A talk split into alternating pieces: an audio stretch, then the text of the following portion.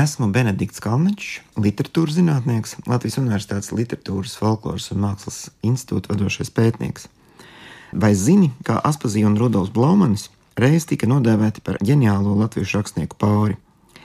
Apzīmējums ģeniālais latviešu rakstnieku pāris, attiecinot to uz Aspaziju un Rudolfu Blaumani, pieder Vācu baltiešu dzēniekam Viktoram von Andrijānovam, kurš 1895. gadā publicēja rakstu par latviešu literatūru laikrakstā Berlīner Tageblatt. Aspazīja jau bija satikusies ar Raini, tobrīd laikraksta dienas lapredaktoru, taču rakstniecībā Raņa vārds vēl nebija izskanējis. Savukārt Aspazīs un Blaumaņa talants bija ievērots, un viens no pirmajiem to uzsver tieši Andrijānos. Jau 1893. gada pavasarī viņš bija publicējis veltījumu dzējā Rudolfam Blaumanim, iesakot rakstniekam domāt par vēl plašākiem pravietiskiem mākslas mērogiem. Blaumanis arī Aspazīju ieveda Viktora von Andrijānov salonā. 1895. gadā, kad Andrijānovs ar ģimeni pārcēlās uz dzīvi Vācijā, apcerēs par latviešu literatūru, viņš abus rakstniekus izcēla īpaši. Aspazija un Rudolfs Blaumanis iepazinās 19. gadsimta 90. gadu pirmajā pusē, laikā, kad viņi abi bija cieši saistīti ar Rīgas Latviešu biedrību un tās atbalstīto Rīgas Latviešu teātri. Blaumanis 1893. gada rudenī apmeklēja savas lugas pazudušais dēls mēģinājumus Pētera Ozoliņa režijā, un teātrī sastapās ar Aspaziju, kuru gan nemaz neievēroja, jo tobrīd vēl nepazina. Uzzinājis par šo alošanos, Blaumanis steidzās pārpratumu labot. Izrādījās, ka viņi ar Aspaziju ir apmetušies vienā un tajā pašā namā, Dzirnavu un tagadējās Krišāņa Valdemāra ielas stūrī, kur Blaumanis īrēja istabu Savukārt Aspazīja dzīvoja kopā ar aktrisēm māsām Olgu un Mariju Ezerlaukām.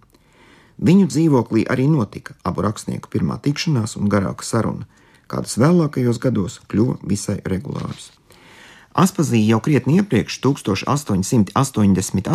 gadā, Rīgas Latviešu teātrim bija iesūtījusi lūgu atriebēju, kas tā arī netika uzvesta cenzūras aizlieguma dēļ.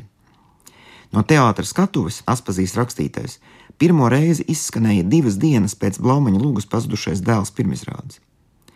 1893. gada 9. novembrī tika atzīmēta Rīgas Latviešu teātra 25 gadu jubileja, un sacerēt šī sarīkojuma prologu bija uzticēts tieši Aspazijai.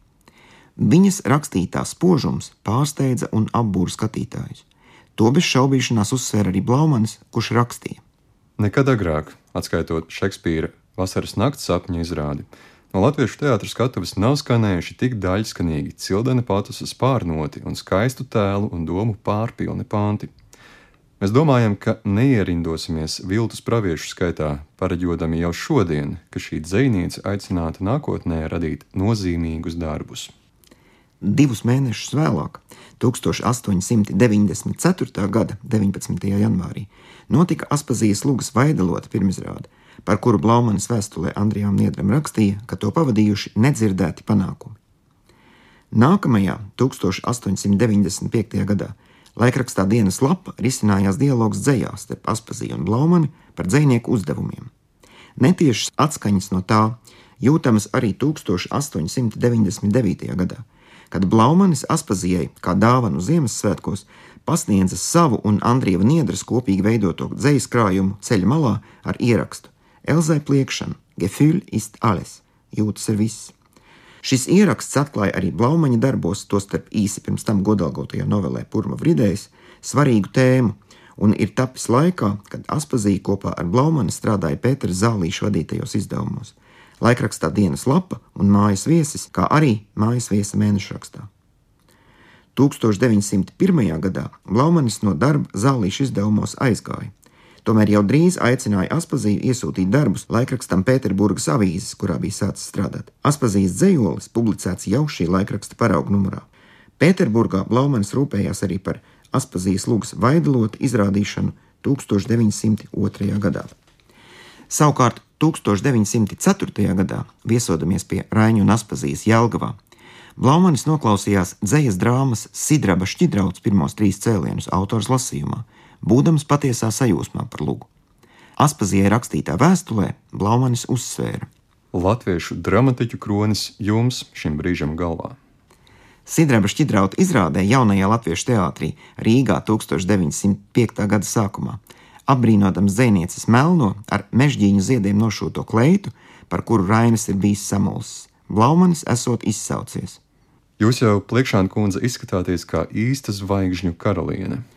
Savukārt šī paša gada 24. aprīlī viņai veltītā sarīkojumā Jālgavā Aspazīja lasīja savu agrāk sarakstīto dzējoli Rudolfam Blaumanim, tā vēlreiz uzsverot saikni abu autoru starpā.